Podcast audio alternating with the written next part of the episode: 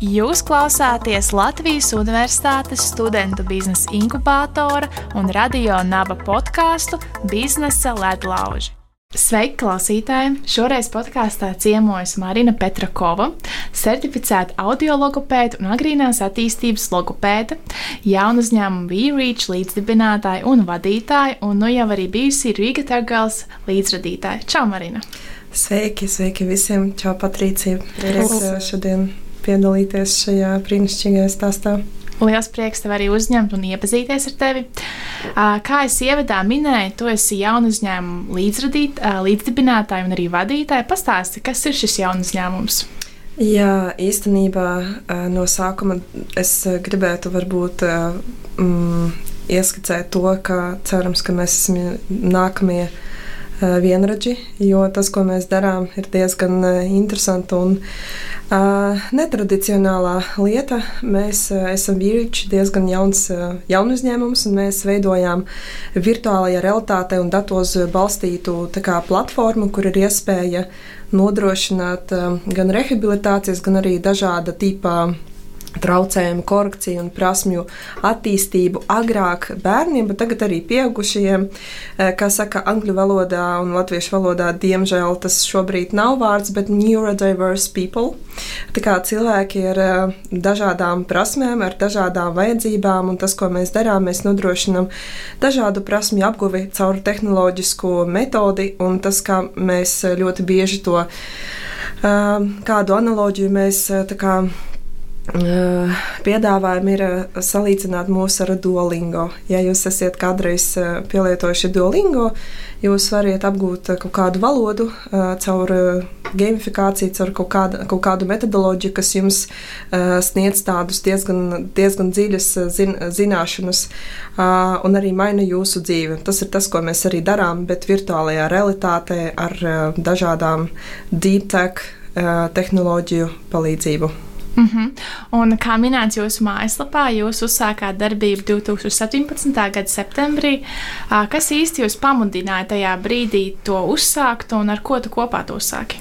Jā, tas ir ļoti interesants jautājums, tāpēc, ka tīri oficiāli kā jaunu uzņēmums mēs operējam kopš 2020. gada otrā Covid viļņa, respektīvi mēs bijām izgājuši brīnišķīgu biznesa akcelerācijas programmu Overkill un arī dabūjuši pirmās investīcijas, bet pirms tam mēs tiešām bijām strādājuši aptuveni 3-4 gadus, tagad es jau necerēšos, kopā ar manu esošo līdzdibinātāju Lūkas Markusu Zalbu. Un, uh, viņš ir viņš bijis programmētājs, un tad, protams, viņa sasniegumi man lika absolūti būt pārliecināti, ka mēs varēsim, um, varēsim izveidot uh, globālu produktu, kas uh, skars ne tikai to veselības aprūpes tehnoloģijas jomu, bet arī um, sabiedrību, un arī parādīs, ka dažādu sabiedrības uh, kā, inclusion un dažādības.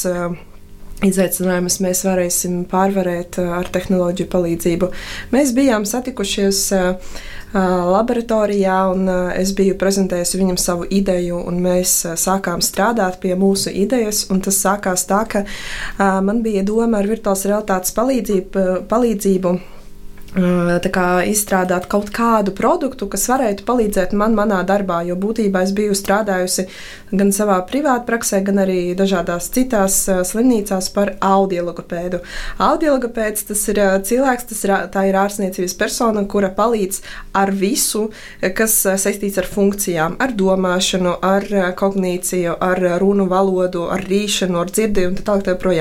Un um, es tajā laikā jau darbojos uh, vairāk vairākās kopienās, un arī sapratu, ka man ir tādas um, diezgan plašas, bet virspusējās zināšanas tehnoloģijās, un būtībā man kaut kā ir jāsavieno tā medicīniskā mana puse un IT puse. Līdz ar to tas bija brīnišķīgs laiks, lai sāktu spēlēties ar dažādām tehnoloģijām un jau domāt tieši par produkta kaut kādu izveidošanu. Līdz ar to mēs arī sākām to darīt, un līdz 2020. gadam mēs darbojamies brīvdienās un, un, un, un, un arī veidojām dažādus produktus, ne tikai to, ko mēs tagad darām, vinējuši vairākus hackathonus, dabūjuši vairākus finansējumus, bet mēs sapratām, ka, ja mēs gribam tiešām izdarīt kaut ko lielu, kaut ko ļoti iespaidīgu un tiešām to, kas tiešām reach uh, lielu auditoriju, pasaules auditoriju, tad mums noteikti ir jādibina jaunu uzņēmumus. Un būtībā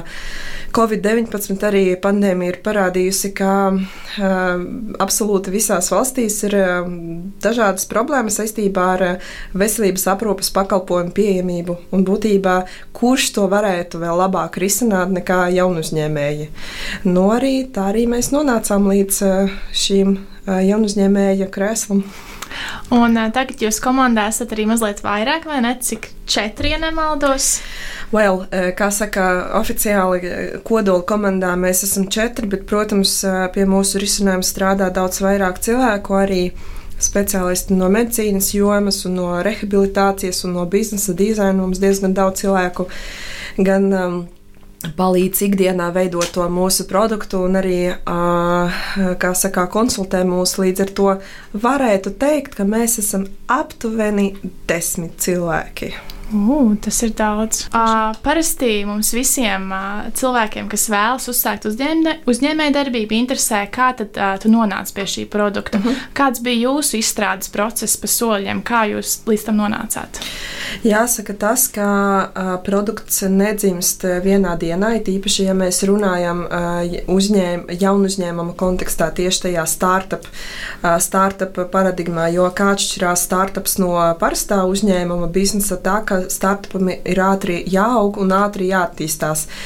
Līdz ar to, kā mēs bijām nonākuši, mēs bijām nonākuši tā, ka mm, mēs bijām testējuši sākotnēji to ideju, ko mēs bijām izveidojuši.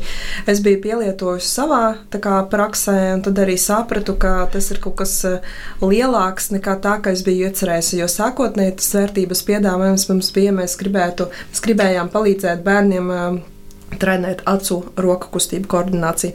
Tas nozīmē, to, ka, piemēram, es redzu mikrofonu un es uz viņu skatos, varu izstiept roku un paņemt to mikrofonu. Un tā ir vienīga prasme, kuru mēs gribējām attīstīt, bet soli pa solim testējot šo produktu saviem dažādiem pacientiem un klientiem, izrādījās, ka tas nav tikai par to vienīgo scenāriju un ka tur varētu būt daudz vairāk uh, produktā raksturīpašību, kas varētu sniegt diezgan lielu vērtības piedāvājumu arī citās problēmās. Tad būtībā daudz, daudz iterējot un arī sadarbojoties ar medicīnas profesionāļiem un arī, teiksim tā, meklējot to vērtības piedāvājumu, ko varētu ne tikai mērogot, bet arī sasniegt to galveno mērķi. Un galvenais mērķis ir tomēr uzlabot uh, veselības aprūpes pieredzi ne tikai bērniem, bet arī vispār visiem cilvēkiem. Jo um, jebkurš cilvēks, kurš nonāk kaut kādā situācijā, uh, kam ir nepieciešams ārsts, uh, viņš uh, kaut kādā brīdī varētu saskarties ar dažādiem izaicinājumiem, ka, piemēram, tas pakalpojums nav pieejams, vai tas pakalpojums um, īsti neatbilst kaut kādām vajadzībām. Un tas, ko mēs gribam, gribam izdarīt, mēs, gribam, mēs gribējām uztaisīt kaut ko lielu, kas atrisinās visas problēmas. Un uh, vispār tā nedrīkst darīt. Tāpēc, ka uh, jebkurā produktā ir jābūt, nu, it kā teorētiski ir jābūt tā, ka ir viena vērt, viens vērtības piedāvājums, kas risina vienu konkrētu problēmu. Bet mūsu gadījumā tās problēmas, tas problēmas gan mūsu lietotājiem, gan arī tie, mūsu klientam un arī tajā sistēmā ir ļoti, ļoti saistīti kopā. Līdz ar to palīdzot bērniem adaptēties reālajā dzīvē un attīstot viņiem prasmes, mēs arī palīdzam speciālistiem, kur ar viņiem strādā, arī palīdzam vecākiem un arī palīdzam vispār sabiedriski saprast, kā tehnoloģijas nav kaut kur ļoti tālu. Tehnoloģijas ir šobrīd šeit, un ar to palīdzību pareizi dizainējot to, kā saka, human-centered um, uh, design, to pieredzi. Ir iespējams paveikt neiespējamo. Un tas ir tas, ko es arī vēlētos droši vien nokomunicēt, ka ja jums ir vēlme radīt un inovēt kaut kādā industrijā, kas neeksistē, jums nekādā gadījumā nav jānobīstās no tā. Vienkārši ir jāmēģina uh, mācīties par dizainu, par uh, pieredzes dizainu, par uh, tehnoloģijām un kaut kādā brīdī zemapziņas. Uh, Uzņēmēja intuīcija jums pateiks, kas ir jādara, lai tas lietotājs ir apmierināts un lai tas lietotājs tiešām iegūst to lielo vērtību no tā biznesa, ko jūs veidojat. Jo galu galā uh, jaunu uzņēmums mūsu gadījumā tas nav tikai biznesa. Tā ir sociālā vērtība un tā ir. Kā saka, dažādības vērtība, ko mēs arī parādām, ka hei, mums ir ļoti daudzveidīga komanda, kas sastāv no veselības aprūpes cilvēka, no tehnoloģiju eksperta, no dizaina eksperta un tā tālāk. Tā un kopā veidojot to sinerģiju un iterējot, mēs varam izdarīt, mēs varam inovēt pat dažreiz tirgu, kas neeksistē. Okay. Un uh, viena no lietām, kas noteikti arī palīdz attīstīties, ir finansējums. Jā. Kā arī tu minēji, jūs esat piesaistījuši venture capital finansējumu. Uh, Pastāstiet mazliet vairāk par to, ko esat piesaistījuši un kāpēc tieši tādus finansējumus. Jā, tas ir ļoti labs jautājums, tāpēc ka nepavēltī, uh, nepavēltī ir diezgan daudz. Uh, dažādas iespējas, atbalsta iespējas, it īpaši Latvijā. Latvijā ir salīdzinoši laba ekosistēma un finanšu bāze, kas tiek nodrošināta agrīnās stadijas jaunu uzņēmumiem. Bet mūsu gadījumā bija tā, ka es domāju, ka veidojot kaut kādu garu, sarežģītu deep tech stāstu, ir jādomā par to, lai tas finansējums pirmkārt ir uh, ilgtermiņā izdevīgs abām pusēm, otrkārt, lai tas varētu uh, palīdzēt uh, sasniegt absolūti visus mērķus, kas ir ne tikai kā, produkta mērķi, bet arī kompānijas mērķi. Līdz ar to, ja mēs domājam par kaut kādiem grantiem, varam arī domāt par kaut kādu lielā ap, apmēra grantiem. Šeit ir jāsaprot, ka tas laiks, ko jūs ieguldat granta piesaistē, jūs ne, nevienmēr iemāca uh, dabūt to nākamo finansējumu.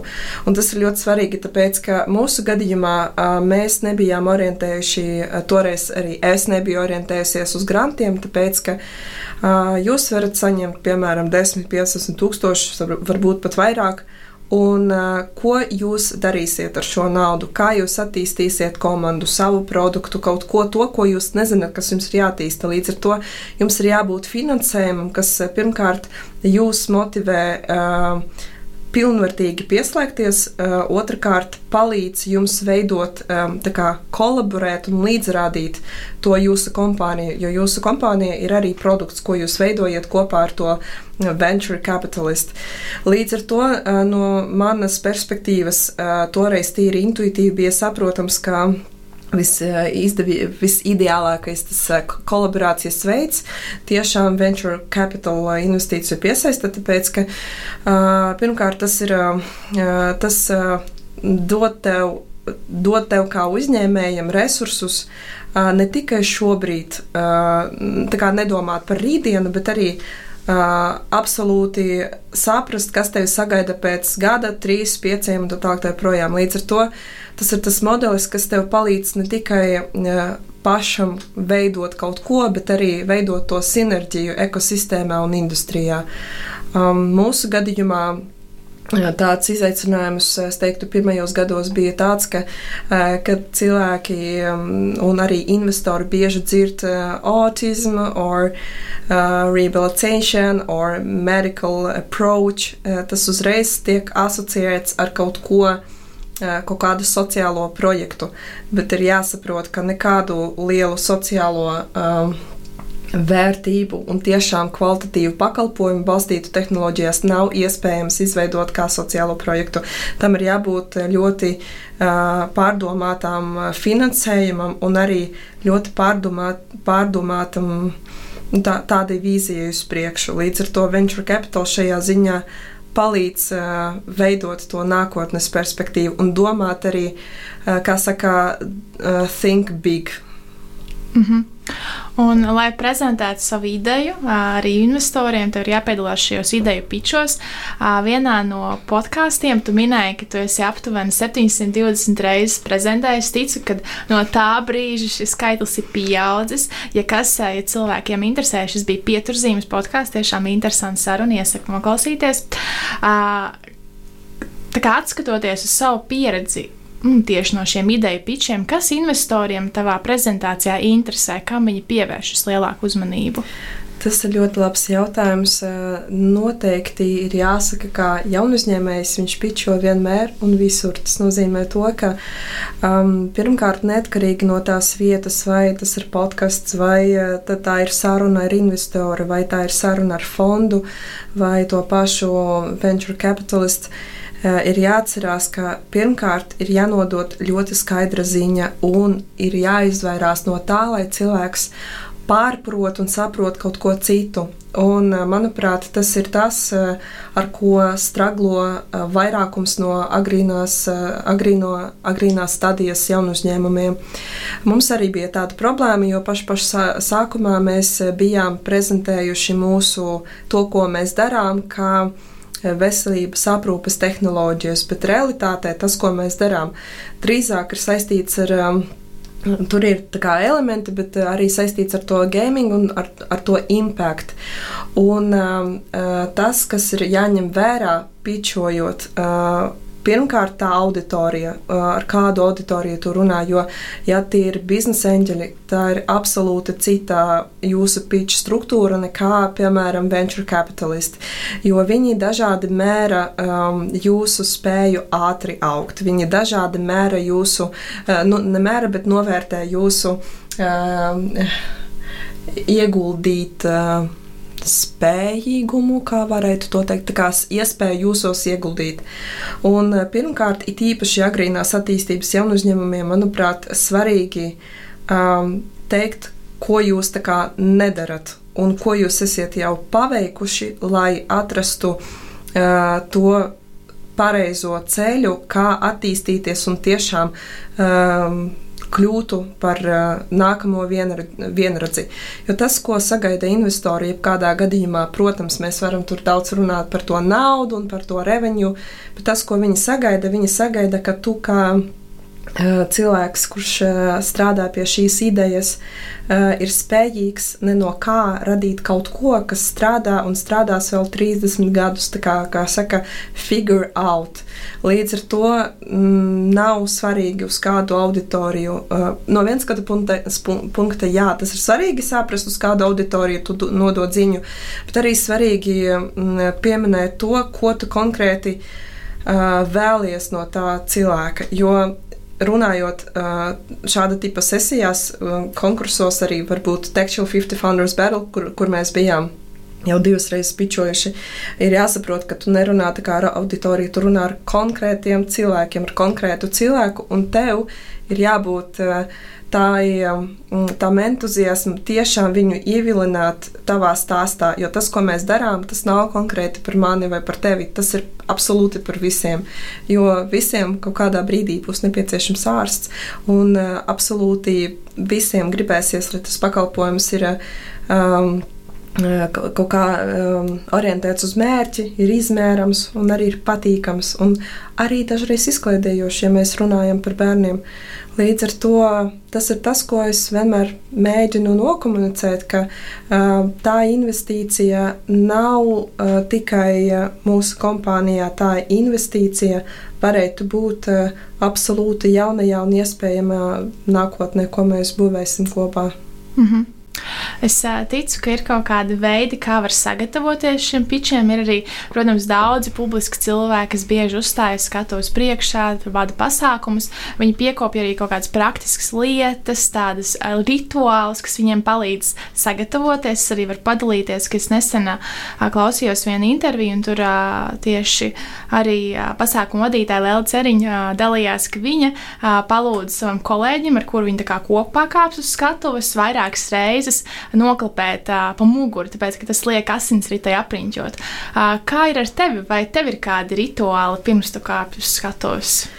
Um, es nekad nebiju dzirdējusi par šādu praksi, ņemot vērā to, ka uzstāšanās un vispār runa ir mana profesionālā, um, profesionāls lauks. Um, es teiktu tā, ka pirmkārt tas, kas ir nepieciešams, ir ar kājām sajust zemi ar pēdām, un otrkārt uh, ļoti sekot līdzi jūsu pleciem. Jo pirmkārt, tad, kad jums ir uh, kaut kāds um, kaut kāds nerviņš sākās un kaut kāds uztraukums. Pirmais, kas notiek, jebkurā tipa, jebkura tipa reakcija izpaužās tā, ka jums pleci aiziet uh, uz priekšu un uh, augšā, un jums uh, tika savilkti visi tie muskuļi, kas atbilst par elpošanu, kas atbild par elpošanu, un tam ir ļoti praktiska fizioloģiska jēga. Bet tas, kas jums nepieciešams, ir sekot līdzi, kā kustās jūsu ķermenis, un mēģināt tos plecus atvērt, elpot daudz mm, mierīgāk nekā jūs elpojat, teiksim, ikdienā.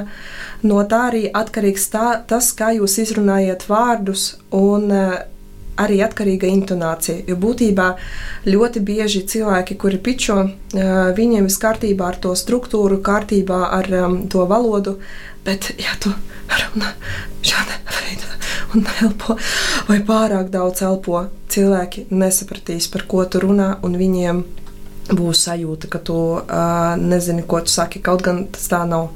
Līdz ar to sekot līdzi savai elpošanai, sekot līdzi, uh, lai ķermenis ir atbrīvots, un sekot līdzi uh, tam, lai tava balss skan atbilstoši tam, ko tu saki. Jo būtībā, ja tu. Mm, Jā, īstenībā es pat nezinu, ko šeit pie, piebilst.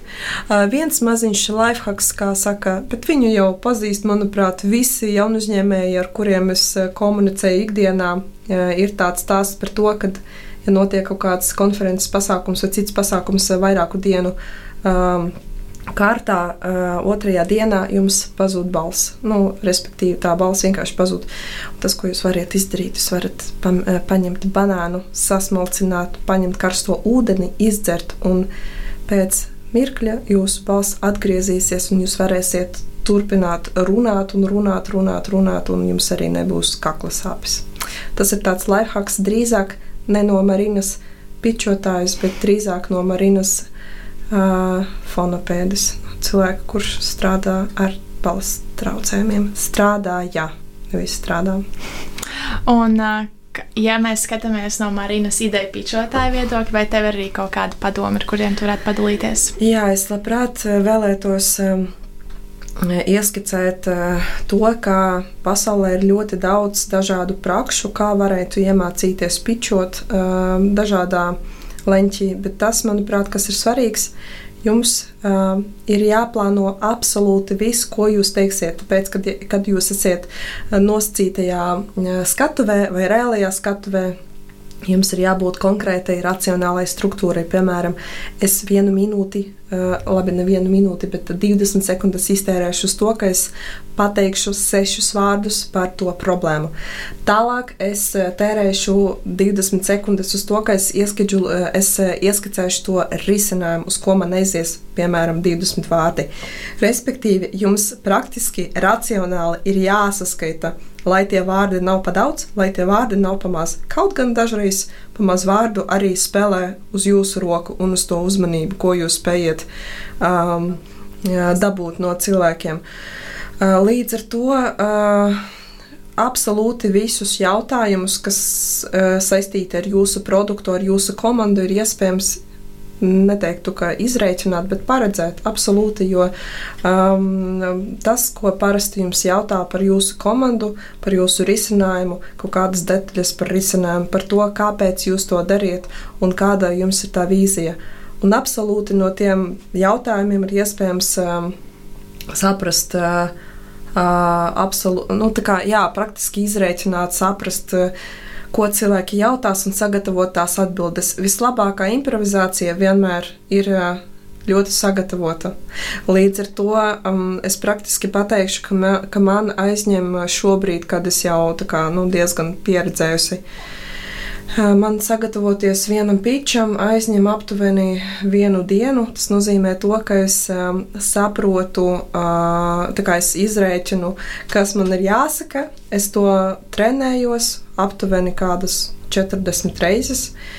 Tad es nedaru neko, kas būtu saistīts ar piču. Es nodarbojos ar kaut ko citu, spēlēju klavieres, klausos kaut kādus citus pičus un turpinu to darīt. Un jo vairāk jūs pičosiet, jo uh, vairāk jūs sapratīsiet, kas nav jādara. Manuprāt, šīs ir visstrādājošākais um, un praktiskākais, uh, praktiskākā lieta. -hmm, super, paldies! Tā man liekas, ka bija ļoti daudz vērtīgu padomu.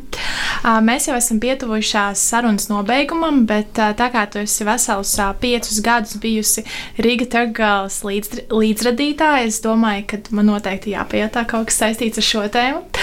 Un es ticu, ka tev ir izveidojušās jau kaut kādas radušās atziņas vai secinājumi, kā būt veiksmīgākiem šiem, šajā strauji augošajā IT nozarē? Pirmkārt, domāt par to, kas ir veiksme attiecībā uz jūsu dzīves ceļu.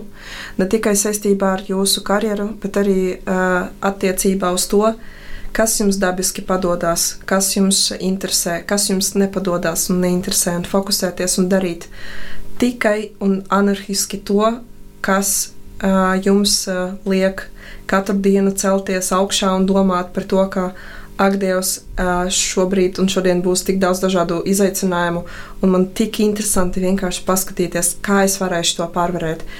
Spēlēties ar um, dažādām tehnoloģijām, jo uh, attīstot savu karjeru, tehnoloģiju vai startup pasaulē, nevienmēr tu uzreiz vari saprast, ko tu darīsi. Piemēram, tu vari sākt kompānijā kā mārketinga vadītāja, tad tu vari aiziet uz programmēšanu, no programmēšanas uz produkta vadītāju, un no tā nav jābaidās. Mēs jau ļoti sen dzīvojam paradigmā, uh, slash profesijās, kad tu vari nodarboties absolūti ar jebko vienā, vienā un tajā pašā laikā un sasniegt to virsotni, kuru varbūt tu pat nezini.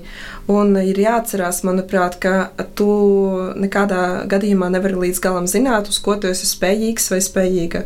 Līdz ar to darīt visu un uzreiz tā ir ļoti laba stratēģija.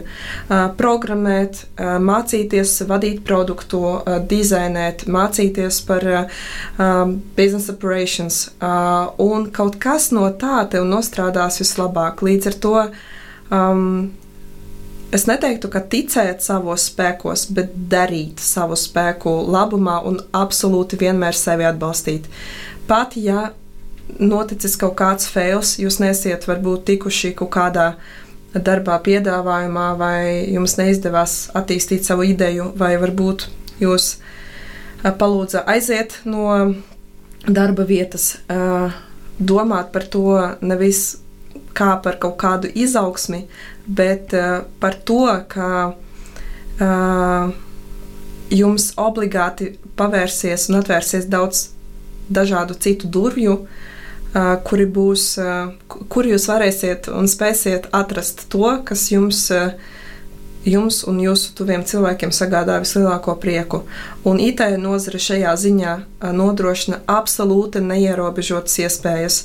Um, vēl viena superspēja, ar kuru es vēlētos padalīties, jo Šo piecu gadu laikā strādājot Riga Cegros kopienā, es biju organizējusi nu, vairāk par simtiem darbnīču un dažādu programmu. Googlēt, googlēšanas superspēja tā palīdz vienmēr. Līdz ar to, ja jūs meklējat prakses vietas, ja jūs meklējat kaut kādu padomu, Google it first un izlasiet, pie, piemēram, 6, 7, 7 saites jūs uzreiz varēsiet iegūt daudz dažādas informācijas, kur varēsiet pēc tam salīdzināt. Un eh, nekādā gadījumā nav jābaidās no lietām, kuras jūs nezināt. To, ko jūs nezināt, jūs varat pamēģināt to uzzināt. Galvenais ir pamēģināt, jo, ja nepamēģinās, neuzzinās. Absolūti, jā. Var arī nemēģināt. Jo nemēģināšana ir arī rezultāts. Iespējams, ja negribās kaut ko mēģināt, tad uh, vienkārši ir jāieklausās, kas iekšā notiek. Varbūt iekšā uh, balstiņa pateiks, ka vajadzētu palasīt grāmatu, varbūt vajadzētu paspēlēt klavierus vai paklausīties uh, Ilonu Masku, ko viņš stāsta jaunu. Un viņš ļoti daudz interesantas lietas stāsta un vispār sekot līdzi cilvēkiem, kuri inovē un kuri veido vislielā, vislielākus pasaules produktus. Tas ir arī darbs. Un uztvert šo informāciju, pārstrādāt šo informāciju un atcerēties vienmēr arī ļoti noder. Līdz ar to, ja jūs meklējat savu ceļu IT nozarē, pat gulēšana uz divāna ir pamatota, un tā gulēšana uz divāna jūs aizvedīs tur, kur jums ir jābūt patītē nozarē. un mē, šeit bija ļoti daudz padomu, bet vai tev ir kāds vēl palicis jaunu uzņēmējiem, varbūt kāds padoms? Jaunu uzņēmējiem es teiktu, ka es ļoti gaidu, kad Latvijā vairāk par 50% jaunu uzņēmumu līdzdibinātājiem būs sievietes, jaunās sievietes, sievietes dažādā vecumā. Es vēlos droši vien tikai vienu padomu dot, ka sniegt, ka jaunu uzņēmumu, vispār uzņēmēju darbība, tu viņu neizvēlies. Viņa tevi izvēlās īstenībā. Un tas, kas tev ir jādara, vienkārši jāsaprot, ka tev ir laiva un ir milzīgs okeāns. Un tu nezini, kas ir zemūdens. Līdz ar to tas, kas tev, tas, kas tev ir jādara, tev vienkārši jāirē. Un tā airēšana ir ļoti, ļoti interesanta. Jo kamēr tu peld un airē, tu vari satikt tik daudz brīnišķīgo cilvēku, ieklausīties viņos un uzzināt gan par sevi, gan par pasauli tik daudz interesantas lietas, ka tu jebkurā gadījumā nonāksi pie sava mērķa. Līdz ar to klausīties cilvēkos, fokusēties uz to, ko saka cilvēki, pētīt cilvēku mm, vajadzības un radīt produktu, kas neatbilst, kas atbilst nevis jūsu vajadzībām, bet jūsu lietotāja vajadzībām. Un, protams, domāt par monetizāciju, tāpēc, ka veidojot produktu, kas atbilst vajadzībām, bet nemonetizējās, tā ir diezgan liela problēma. Līdz ar to drosme un monetizācija. Super, paldies, tev, Marina, ka ieradies uz sarunu. Man bija prieks ar tevi iepazīties un dzirdēt tavus padomus, tavu pieredzi un iedvesmoties pašai. Es ceru arī, ka mēs citus iedvesmojām. Paldies arī visiem klausītājiem un skatītājiem, kas bija kopā ar mums. Ar šo biznesa ledlaužu sezona noslēdzas. Tā atgriezīsies atpakaļ rudenī ar jauniem un interesantiem tematiem viesiem. Rudenī gan manā vietā stāvēs kāds cits cilvēks, jo savas gaidas biznesa inkubatorā es noslēdzu. Bet man bija milzīgi liels prieks pieņemt šādu izaicinājumu un aprunāties ar tik pašiem cilvēkiem, kā arī Marina un citiem vēl, un iedvesmot arī citus un dot iespēju padalīties ar savu pieredzi. Paldies jums visiem! Un tad jau sekojiet līdzi biznesa laužiem rudenī. Paldies jums visiem! Paldies, lai veicās! Paldies! Atā! Jūs klausāties Latvijas Universitātes studentu biznesa inkubātora un radio naba podkāstu Biznesa ledlauži.